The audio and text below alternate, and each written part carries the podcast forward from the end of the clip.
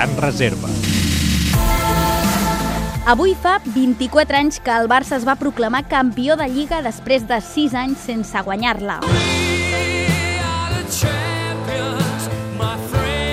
El Barça de Johan Cruyff havia perdut per 4 a 0 a Cádiz el dia abans, però gràcies a la derrota de l'Atlètic de Madrid contra la Reial Societat es va coronar campió 4 jornades abans del final. Els blaugrana acabarien la Lliga amb 57 punts, amb 10 punts més que l'Atlètic de Madrid i 11 del Madrid, que feia 5 anys que guanyava la Lliga.